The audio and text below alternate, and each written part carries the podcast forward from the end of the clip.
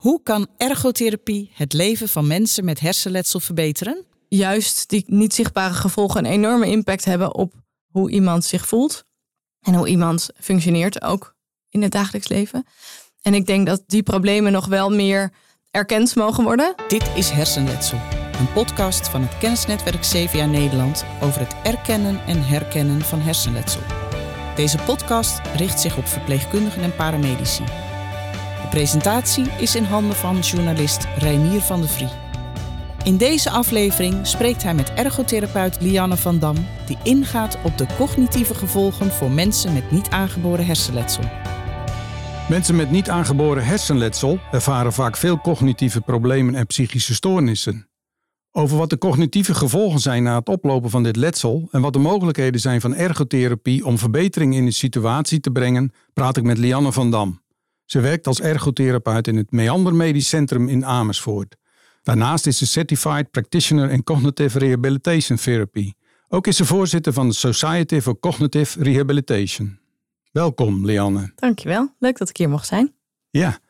Welke ervaring heb je met het uh, werken met uh, mensen met niet aangeboren hersenletsel?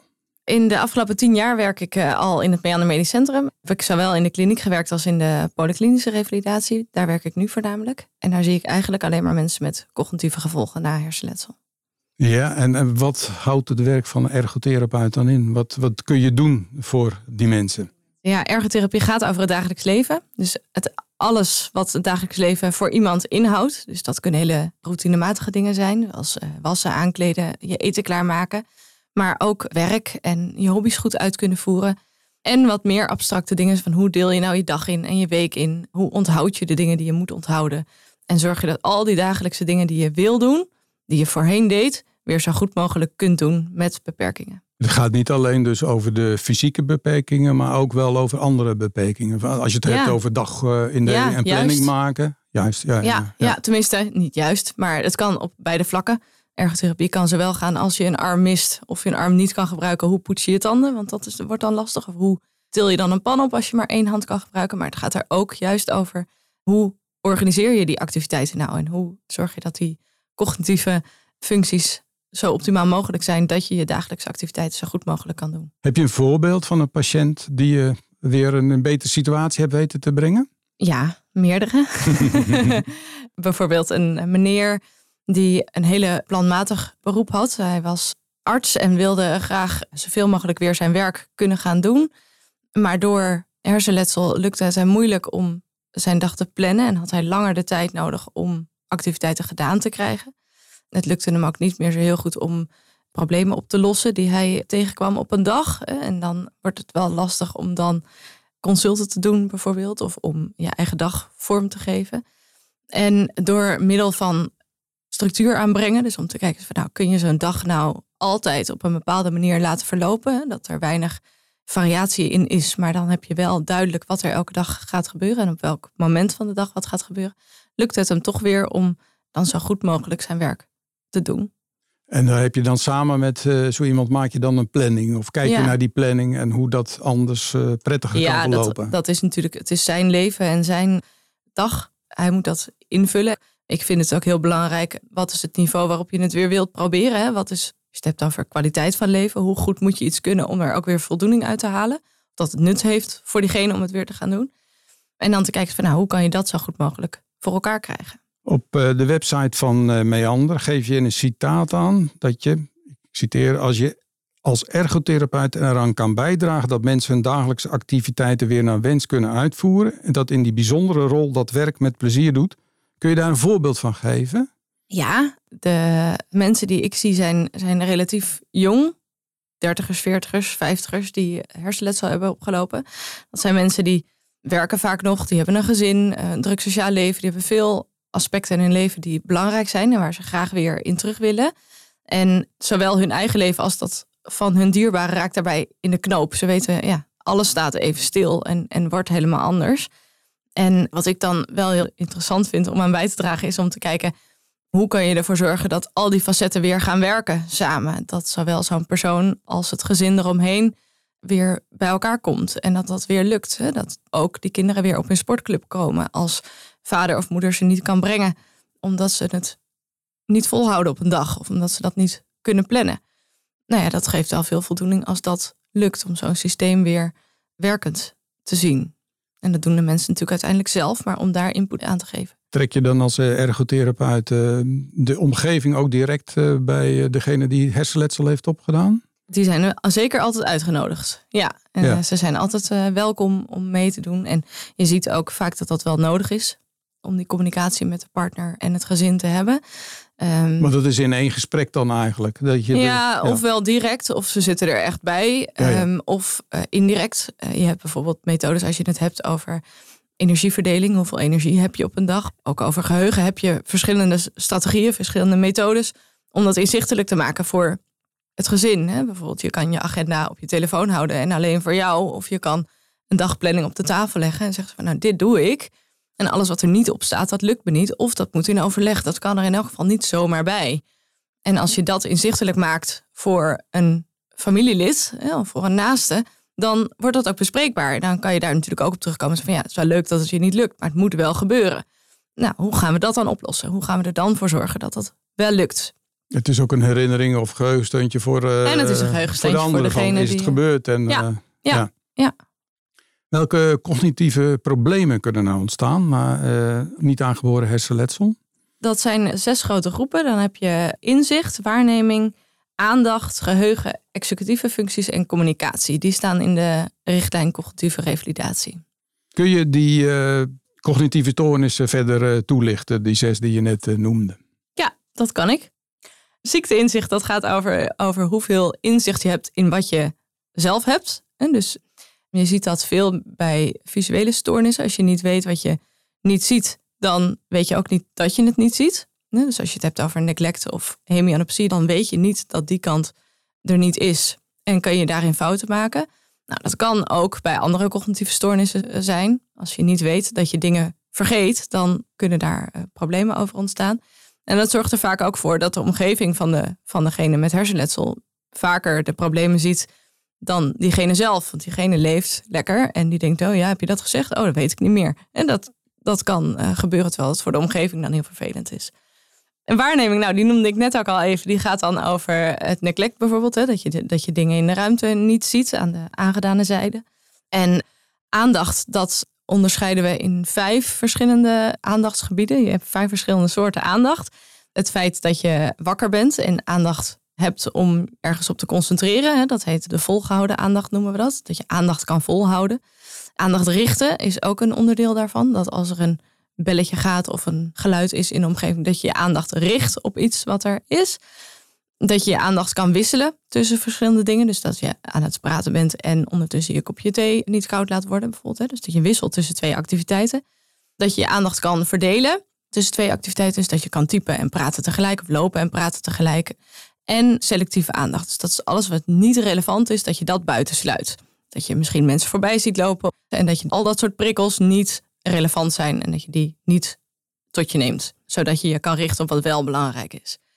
Nou, dan heb je daarin ook nog de informatieverwerking. Dus je hebt ook nog nodig om informatie dan ook te gaan verwerken. Dus als dat hoort nog bij aandacht. Ja, dat hoort daar ook wel een beetje bij. Dat zit tussen aandacht en, en geheugen in. Als je je aandacht kan richten op prikkels en je weet welke prikkels aandacht vragen en die, die houdt dat vol, dan is de vraag van, nou, nou, dan kunnen die informatiebaantjes in je brein gaan lopen. Dus dan kun je verbindingen gaan leggen en kan je brein aan het werk.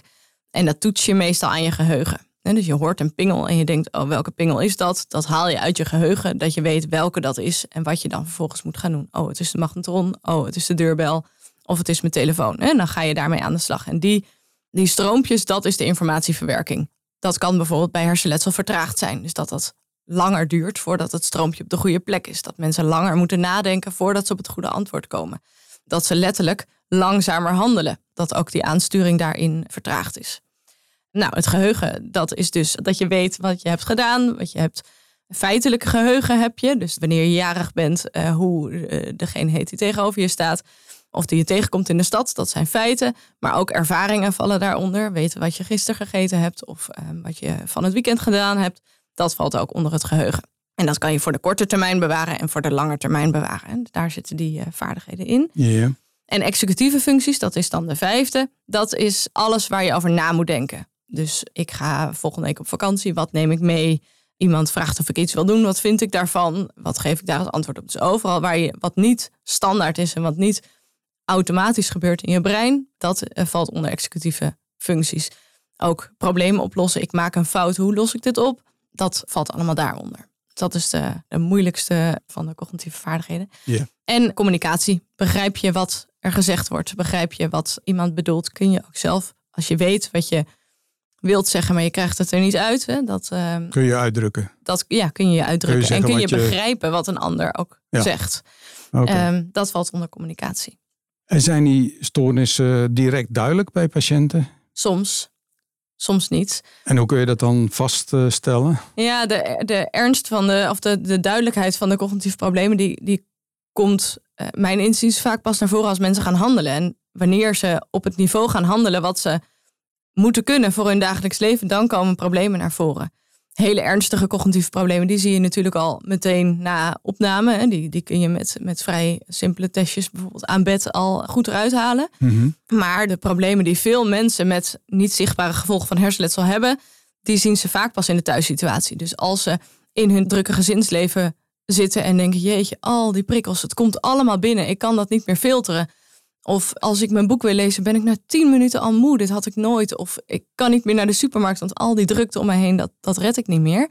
Of ik kom met dingen thuis die niet op mijn lijstje stonden. Of ik heb geen lijstje en ik neem überhaupt niks mee als ik naar de supermarkt ga. Dus die problemen die komen in het handelen vaak pas naar voren. En dus ook in het verloop van het proces En wordt dus- duidelijker aan welke ja, cognitieve stoornissen je mee te maken Ja, hebt. vaak pas Want je hoeft ze niet met allemaal eh, van toepassing te Nee. zijn. Dat kan per patiënt, Kan per patiënt verschillen. verschillen. Ja.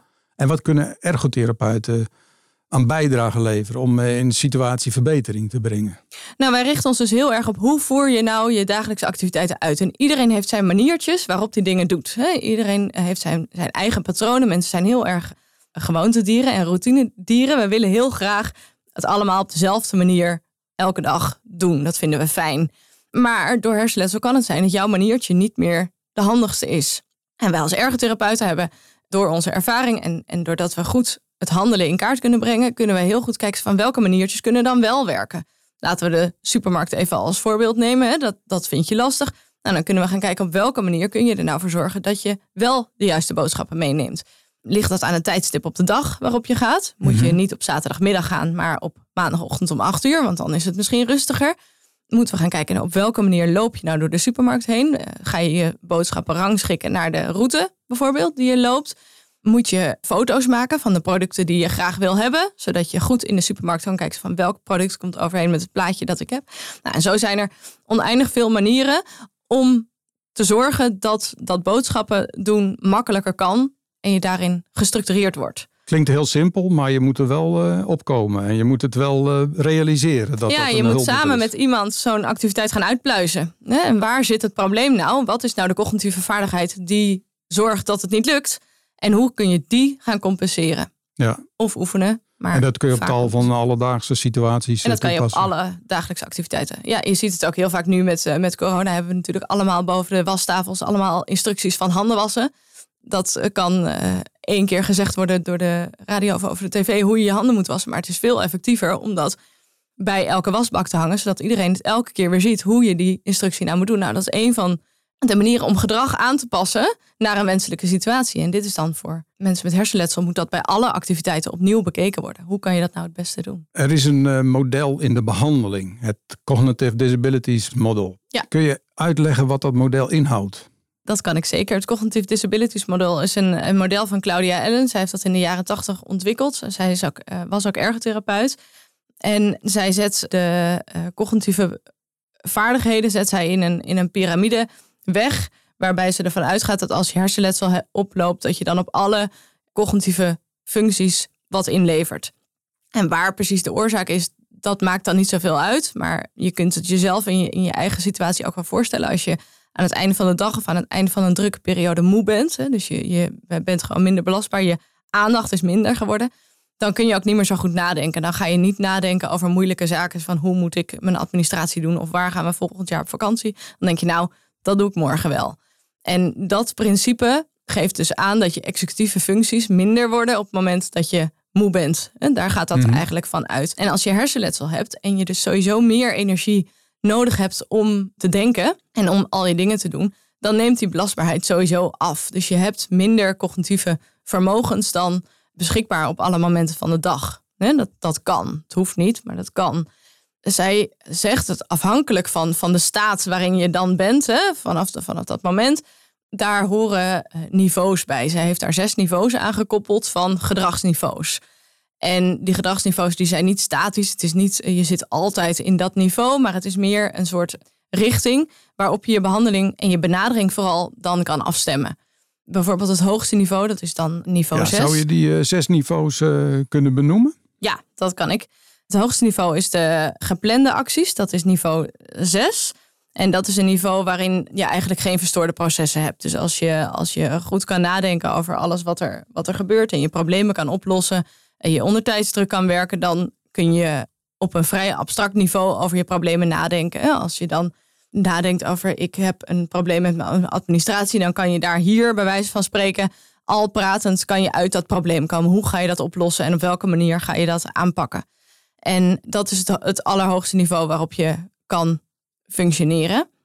Dan ga je, een, als je dan een niveau lager zit, dan zit je op de explorerende acties. Dat is dan het, het vijfde niveau.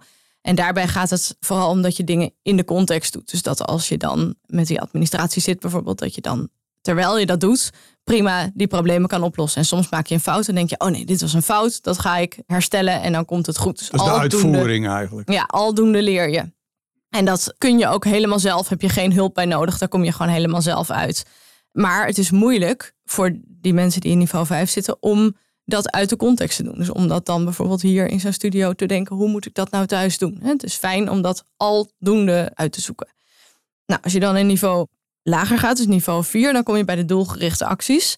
Dat zijn de mensen die bekende taken goed kunnen doen met hersenletsel dan. Hè? Dat kortdurende activiteiten goed kunnen doen. Ze weten wat de uitkomst van een taak is.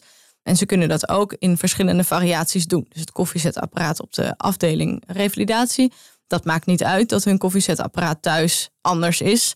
Dat kunnen ze managen, zeg ja, maar. want het doel is koffie zetten, zeg maar. Want het doel is koffie zetten, ja.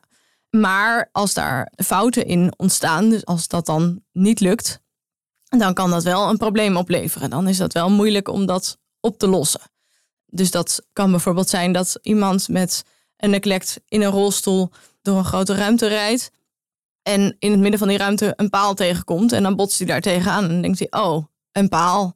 Vervelend. En dan gaat hij eromheen. Dan gaat hij het oplossen in het moment, op, op dat moment.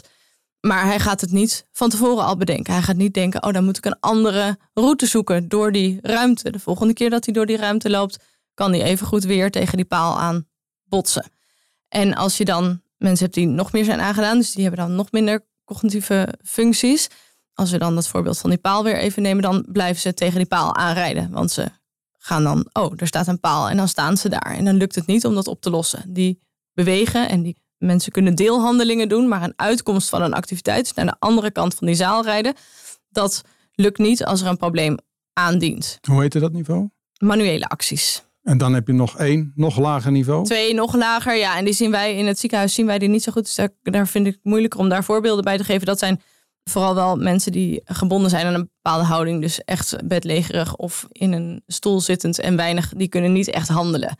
Pas vanaf niveau 3 ga je wel richting handelen. Waarbij bij de manuele acties bij niveau 3 je wel steeds begeleiding nodig hebt. En deze niveaus die zijn dus geen waarheid. Hè? Het is meer een, een denkrichting waarin je dan kan denken van oké, als je eruit bent gekomen dat iemand op niveau 4 functioneert, dan heeft dat consequenties. Hè? Als je dan nadenkt over de mogelijke problemen die iemand tegenkomt in het dagelijks leven, dan kun je daar een beetje over gaan nadenken. Kan iemand dan boodschappen doen in een supermarkt waar die nog nooit geweest is? Kan iemand de weg vinden naar een huis waar hij nog nooit geweest is? Of wat als de weg is opgebroken op weg naar zijn eigen huis, vindt hij dan nog wel de route terug? Ja, en hoe hoger je in die niveaus komt, hoe meer je ervan uit kan gaan dat iemand dat dat lukt. Dat Ja, iemand ja, ja. daar tot een, tot een goed einde zal brengen. Ik heb bijvoorbeeld een meneer in behandeling gehad. En die was altijd samen met zijn echtgenoten. Die, die doen eigenlijk altijd alles samen.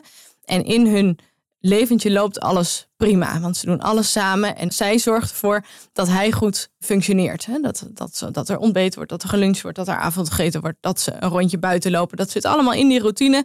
Maar die meneer uh, heeft uh, Die meneer heeft hersenletsel. Ja. En zij moet dus initiëren. Ze van nou, we gaan nu lunchen. En dat gaan we allemaal doen. En dat verloopt prima. Maar als zij een dag weggaat, dan hebben ze dat voorbesproken. Ze van nou, dat, uh, ik ga die dag weg en dan ben je een dag alleen. Hij denkt, nou lekker, ben ik een dagje alleen. Ga ik uh, in mijn boek lezen en ik ga even een rondje wandelen. En dan ben ik lekker een dagje alleen. Hartstikke fijn.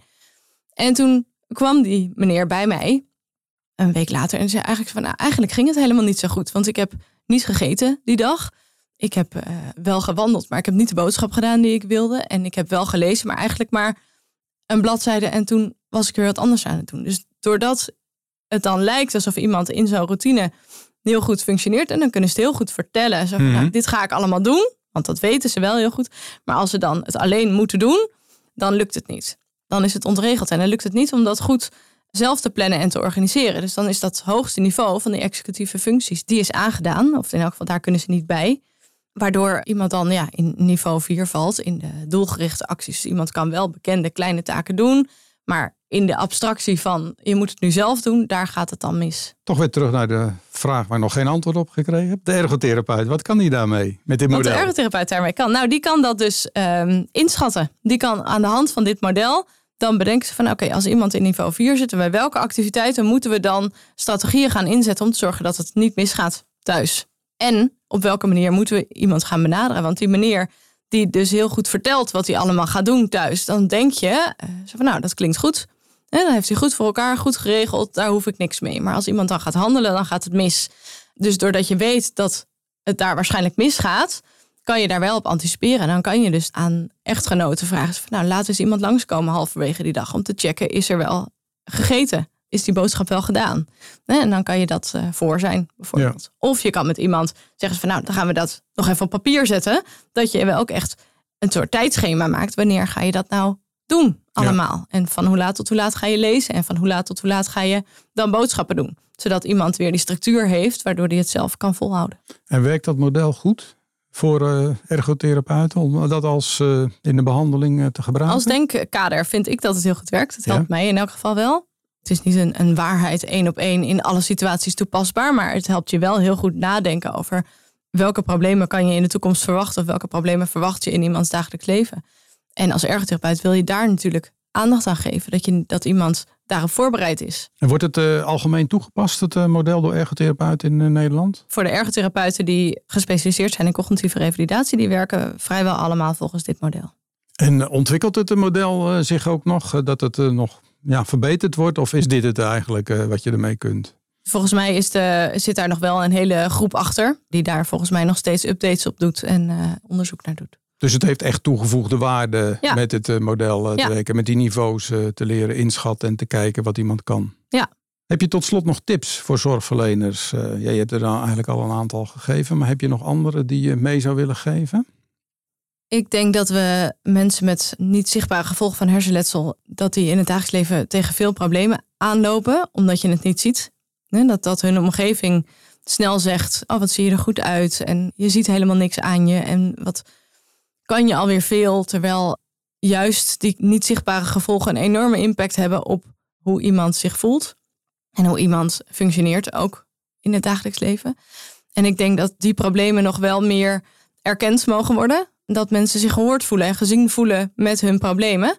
En ik denk dat er ook in heel veel gevallen nog wel hulp is om te zorgen dat je daar goed mee kan omgaan.